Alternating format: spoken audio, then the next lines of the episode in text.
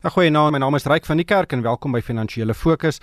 En ons gesels weer vanaand oor die belangrikste sake nuus van die week. My gaste vanaand is Lulu Kriel. Sy is die hoofekonoom by PricewaterhouseCoopers. Goeienaand Lulu. Goeienaand Ryk. En Dawie Klopper, hy's 'n portefeulje bestuurder by PSG in Pretoria en ook 'n beleggingskenner. Goeienaand Dawie. Goeienaand Ryk. Ehm um, Lulu uh, en en Dawie, ek wil vanaand die gesprek begin by die sogenaamde Ramaphoria. Nou ek het die afgelope week gesels met Dr. Uh, Adrian Saville van Canon Batebestuur en ook Ferros Baza van Old Mutual. Dis albei uiters ervare portefeulje en batebestuurders in Suid-Afrika. En uh, albei het gesê die skielike toename in sake en beleggingsvertroue sedert Cyril Ramaphosa as president verkies is is stadig besig om te taan en dit uh, kan 'n mens sien in die sakevertroue indeks van die Kamer van uh, Koophandel en Nywerheid wat hierdie week bekend gemaak is wat teruggeval het tot op vlakke wat laas gesien het onder die Zuma administrasie. Uh Lulu, ons is 'n nasie van mense wat baie emosioneel is. Ehm um, maar as jy nou in een van Elon Musk se vuurpyle sou klim en jy word die ruimte ingeskiet en jy so halfpad Mars toe en jy kyk terug na Suid-Afrika toe en uh jy kyk sonder enige emosie na wat hier aangaan. Hoe sal jy ons huidige ekonomiese situasie opsom? Wel, reg, ek dink dat ons hierdie week gesien het, ehm um, en ons gaan later weer ek neem ek aan 'n bietjie gesels oor die oor die mynbou uitsette en die vervaardigingsuitsette, so ek gaan nou nie reguit daarna toe gaan nie. Ehm um, is dat die dit wat in die ekonomie ehm um, moet gebeur vir ons om om werklik volhoubare sterk ekonomiese groei te te te te kan sien. Is bietjie meer kompleks dink ek is wat baie Suid-Afrikaners besef en baie het net gedink as ons um, as ons 'n ander ander bestuur by van die van die um, staatsondernemings kry as 'n ander president het, gaan al hierdie goed net regkom. En die waarheid is dat ons met baie ernstige strukturele probleme sit wat nie oornag gaan regkom nie. En ek dink dis wat ons op hierdie stadium sien. Maar natuurlik moet mense ook nou nie uit die oog verloor dat dit wat op hierdie stadium besig is om tussen die FSA en China te gebeur, ook 'n baie groot indruk op ons is want op ons het 'n invloed het op ons en wat wat in Suid-Afrika gebeur op hierdie stadium nie. Ehm um, ons is in daardie mandjie mandjie van ons lykende markte en dit het ongelukkig 'n negatiewe impak. Maar die waarheid is dat dit baie gaan vat om die Suid-Afrikaanse ekonomie reg te kry en die strukturele probleme uit te sorteer. En ons sit ook nog steeds met ehm um, onsekerheid rondom byvoorbeeld die mynbou uh, handves uh, vir uh, swart ekonomiese bemagtiging, grondhervorming ensovoorts. En dit het op hierdie stadium 'n invloed op sake vertroue. Dawie, jou siening? Ja, ek uh, ek, ek sou dink die gronddebat wat op die tafel gesit is hier net nadat president Ramaphosa dan nou aan uh, president geword het. Ehm um, die het 'n groot impak op hierdie sentiment wat ons sien wat nou 'n bietjie aan die taan is. Ek dink um, dit die impak op vertroue. Ehm um, vertroue is die grootste ding wat ons dan nou nodig het om weer hierdie ekonomie in gang te kry om investering aan te moedig. Ek moet dink mense moet dit ook sien dat hierdie debat moet net moet op 'n stadium moet moet gehanteer word, dit moet afgehandel word, dit moet rigting kry. Ek dink die ekonomie is reg om te wil begin groei as ons net hier verby kan kom. Die grootste probleem in die land is werkloosheid. Ons moet iets daaroor doen ons sien dat hierdie klomp dienste betogings wat oral in die land aan die gang is ek dink dis ook 'n funksie en 'n resultaat van werkloosheid van verwagtinge wat geskep word wat nie onmiddellik aan voldoen kan word nie. Dit gaan tyd vat om om daaraan te begin voldoen. Maar mens moet ook onthou dit is op die donkerste voor die dag breek. En ek dink net ons moet ook besef dat president Ramaphosa het te doen met hierdie politiek wat hy moet speel waar hy hierdie um, korrupsie in die land wat hy probeer aanpak um, sukkel om van mense ontslae te raak in poste wat geplaas is in die vorige bestel om van daai mense ontslae te raak sonder om sy eie uh, um, ondersteuningsbasis en um, skade te doen en natuurlik die ander dele wat nog hierdie korrupsie wil in stand hou. So um, hy het hy met politiek speel en hy is die onderhandelaar maar ons moet vir hom die voordeel van die twyfel op 'n stadium begin gee dat ons gaan by 'n punt kom waar dinge kan beter gaan. Ons moet vertroue herstel. Maar dit is uh, relatief moeilik. Ehm um, Lulu, weet ek was self baie positief in die begin van die jaar. Ek is nog steeds relatief positief oor die vooruitsigte in die kort en medium termyn. Mhm. Ehm mm um, ons het ook gesien dat die ekonomiese groeikoers vir verlede jaar hoër was as wat baie mense gedink het en die vooruitsigte vir 2018 en 2019 is hoër. En dan sien ons vervaardigingssyfers wat baie laag is. Ons sien mynbou uitsetsyfers wat baie laag is. Ons hoor uit die Wes-Kaap uit dat die van die landbouverwagtings of produksie daarvan veral wyn heelwat laag gaan wees en dit natuurlik is 'n handrem vir ekonomiese groei veral in die primêre sektore waar ons moet werk skep. Hoe hoe moet ons dit in konteks sien? Ja, raak ons moet daarom ook in gedagte hou dat die einde van verlede jaar het ons 'n baie sterk verbetering gesien in mynbou en vervaardiging uitsette. So soos die ehm um, dis die statistiese so lief is om te sê dit is 'n bietjie bietjie basic effect wat ons ook gesien het nou in die eerste kwartaal. Maar ehm um, ek wil aansluit met wat Dawie gesê het. Ons moet ook besef dat eh uh, die dinge gaan 'n bietjie tyd vat en eh uh, dat dit dit regtig gaan vat voor ons die omdraai gaan sien. Ek meen die die mynbou uitsetsyfers wat ons gesien het in die vervaardigingssyfers was vir die eerste kwartaal hierdie jaar en eh uh, president Ramaphosa het basies in die middel van die eerste kwartaal het hy ehm um, aan bewind gekom. So ehm um, alles gaan nie, alles het nie oor nagreg gekom nie, alles gaan nie oor nagreg kom nie. Maar is natuurlik nou nie graag wat ons wou gesien het nie. Veral die mynbou uitsette wat baie laer as vir die meeste ekonomie verwag het gaan wees. Um, ek dink almal het 'n inkrimping of 'n insinking verwag, uh, maar dit is meer in die omgewing van 2 tot 3% en nie die 8.4% wat ons gesien het nie. So die beleidsonsekerheid in die mynboubedryf speel natuurlik 'n rol en dat ook ehm um, wel internasionaal die vraag na mynbouprodukte en en en, en um, natuurlik of en hulpbronne begin het om om te herstel is dit nog nie heeltemal waar ons graag sou wil hê dit moet wees nie en veral die insetkoste in die platinum bedryf bly natuurlik 'n groot probleem. Daarby ek wil net, jy weet een van die dinge wat baie Suid-Afrikaners sien as 'n riglyn vir die gesondheidstoestand van Suid-Afrika is die wisselkoers, veral die wisselkoers met die dollar. Nou ons het gesien dat die wisselkoers uh, sedert die begin van die jaar tot so 'n maand gelede mooi verstewig het, uh, selfs tot ondervlakke van R12 teen die dollar en hy het nou verswak en dis weens uit buitelandse faktore grootliks. En en baie mense word daardeur weer 'n bietjie negatief oor die vooruitsigte en en skryf dit aan plaaslike uh politieke gebeure toe. Uh, Dink jy die die die wel die wisselkoers is nie 'n aandeleprys vir Suid-Afrika nie, maar dit het tog 'n sielkundige uitwerking. Dit het ongelukkig dalk so 'n sielkundige uitwerking. Ek dink in hierdie geval moet ons wel net sien dat dit dollar sterkte is waarmee ons hier te kamp het, meestal dollar sterkte wat ons hier net te kamp het. Hmm. Omdat dit lyk op die rentekoerse in in die FSA al begin styg en dit tog 'n bietjie aan die opbeweeg is, begin ons kry dat daar geld uit opkomende markte uitvloei ook uit die rand uit, ook uit die Suid-Afrika uit na die dollar toe. En dit veroorsaak dat die dollar versterk en dat hierdie ander geldeenhede verswak. En daar was nou groot vrese gewees dat dit ehm, 'n um, 'n nuwe um, fundamentele tendense wat besig om plaas te vind dat daar nog heelwat swakheid voor lê en of dan heelwat sterkte in die dollar is wat met voor lê. Maar ons moet ook besef dat die Amerikaanse ekonomie dalk ook wel gaan goed daar op die oomblik maar hy's naby aan daai punt waar hy dalk wil begin draai. En die die die op opbrengskurwe in die FSA wil dit vir mense begin sê. Hy verlangsaam baie sterk hierdie die langkoerse minus die kortkoerse die syfer wat jy kry. Sê dit vir jou. Ons sien ook dat in Indië en in Brasilië en in Suid-Afrika lyk van ons tekorte beter as die vorige kere toe hierdie omstandighede geheers het. En daarom het ons dan ook die laaste dae wat gesien in die rand weer begin versterk het. Ehm um, ons sien wel dat sommige van hierdie lande wat groot tekorte het, sukkel om beheer te kry oor die oor hulle situasie. Argentinië moes hulle rentekoerse opsit af 40% om te keer dat die uitvloei so voortgaan. Turkye gaan hulle rentekoerse moet opsit. Maar uiteindelik as jy so hierdie langer koerse begin styg ook in Suid-Afrika die afgelope paar uh, dae en week, ehm um, kan dit weer 'n geleentheid word om buitelandse fondse terug te trek en en hierdie geleentheid te kom benut.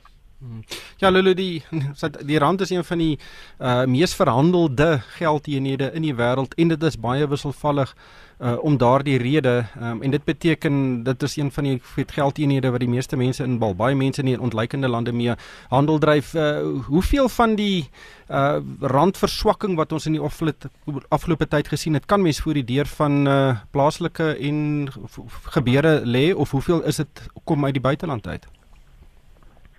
As jy my ja, jy tog. Ja, Dawie, wil jy byvoeg?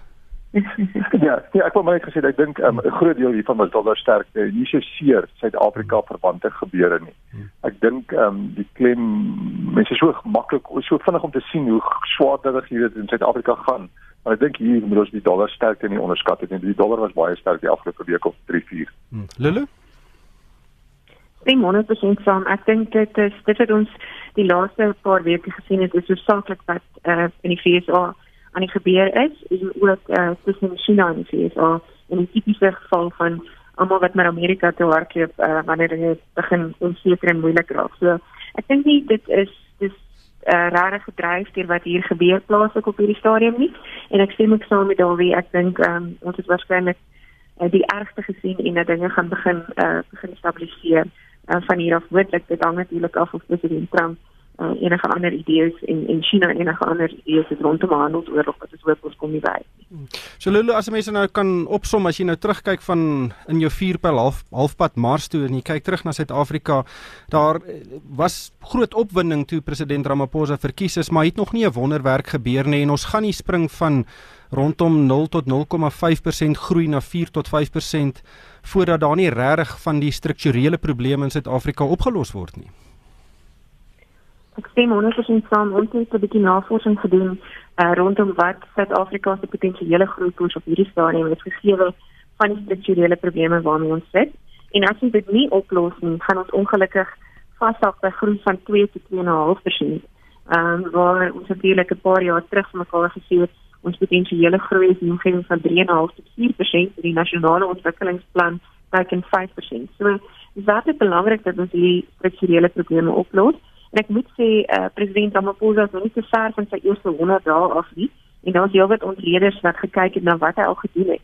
En um, op die lysie wat hy in sy staatsrede aangekondig het, moet ek sê is daar heel party um, verwikkelings wat hy reeds in werking gestel het, maar ek dink ook ons moet besef dat ehm um, om die laaste 10 plus jaar, wel, kom ons sê 8 jaar se skade ongedaan te maak gaan gaan 'n bietjie tyd vat en gaan 'n paar baie moeilike besluite uh, beteken.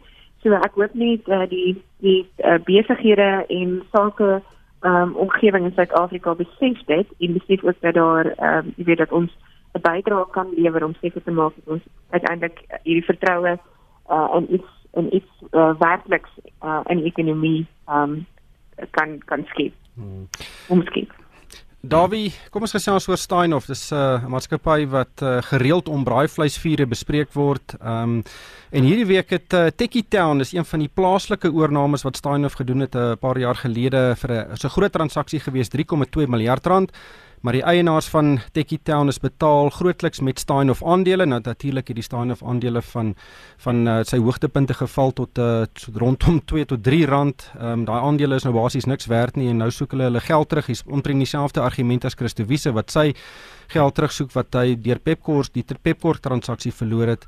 Uh wat is jou uh, siening oor hierdie aksies wat nou teen Steinhoff geloods word om van beleggers om hulle geld terug te kry? En al wat ek weet is is dat dit lyk vir my baie komplekse transaksies om te ontknoop want um, my argument is net as Christo Wiese dit gaan regkry om sy transaksie te ontknoop dan gaan ek wel argumenteer as 'n aandeelhouer wat sê net maar net 'n Steinof gaan koop het nadat Christo Wiese vir Pep in Steinof ingesit het dat ek ook my geld wil teruggee op 'n manier want ek het ook maar op grond eintlik van sy transaksie um, hom gevolg. So ietsie daarvan is deel van die kompleksiteit dink ek wat bestaan het. Ek kan nou nie staan nie al die regs um, implikasies van so onknoping van jou transaksie nie. Maar feit van die saak is GD Ferreira wat niks spesifieks ingesit het nie, vra ook sy geld terug namens sy uh, trust wat hy dan nou ehm um, wat namens sy werkers in hierdie besigheid belê het. So dit is 'n deurmekaar spel. Dit is 'n komplekse situasie.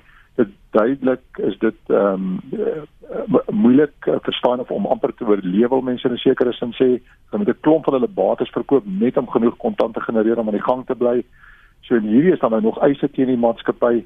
Ek sukkel om te sien hoe die maatskappy hierdie hele ding gaan on, oorleef en ehm um, uh, ja, hulle het hulle balansstaat bates opgeblaas, hulle inkomste staat opgeblaas en al hierdie goed ehm um, is nou besig om in die was uit te kom en sigbaar te word wat die omvang daarvan is en ons almal wonder nog presies hoeveel skuld is daar wat weggesteek was. Die prys is nou tans 160 sent. 160 sent van 'n hoogtepunt van bykans R100 nie te lank gelede nie maar maar Dawie daar's baie internasionale beleggers fondsbestuurders wat namens uh, of of prokureursgroepe wat namens fondsbestuurders en ander aandeelhouers klasaksies wil instel teen Steinof omdat die aandeleprys so gegroei het op grond van bedrieglike weet finansiële ehm um, verslaggewing of uh, die manier hoe die hoe staan of hulle finansiële ehm um, state bekend gemaak het. Ehm um, en dis 'n ding wat nie heeltemal in Suid-Afrika geken word nie. Dink jy minderheidsaandeelhouers in Suid-Afrika kan dalk in die nabye toekoms sien na een of ander regsaksie om hulle ook te help om hulle geld terug te kry? Ja, um, dit word die vraag word gevra of of Suid-Afrikaanse aandeelhouers ietsie omtrent gaan doen, uh, die minderheidsaandeelhouers ietsie omtrent gaan of kan doen. Ehm um, dit is my nog moeilik om weer eens om te sien wat gaan by wie gaan jy geld kry? Want daar is so niks oor nie. Jy weet, so wat gaan wie gaan vir jou iets terugbetaal? Die ouditeure, is dit is dit hulle plig? Is dit die direkteure?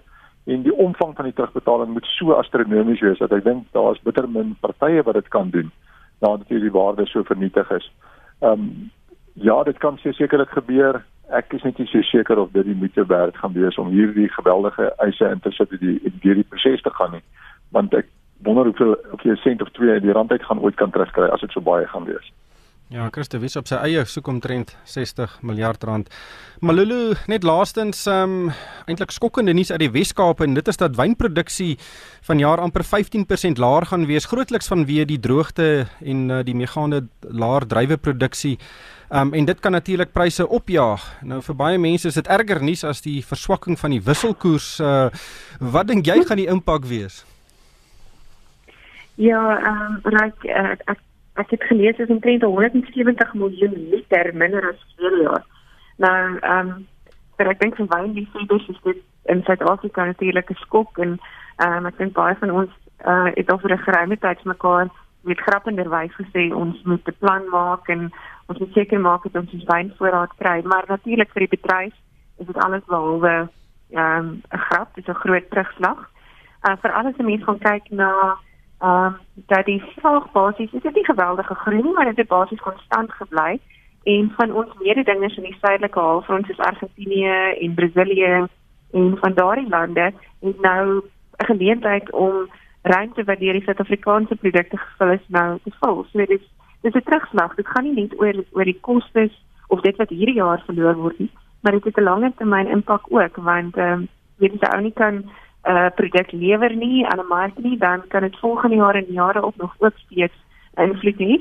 Um ek is nie seker van die kwaliteit en die invloed wat dit moontlik op die kwaliteit kan hê van die uh, van die um die Israeliese Dus ek verstaan gaan gaan dit moontlik ook 'n uh, negatiewe invloed op die kwaliteit hê.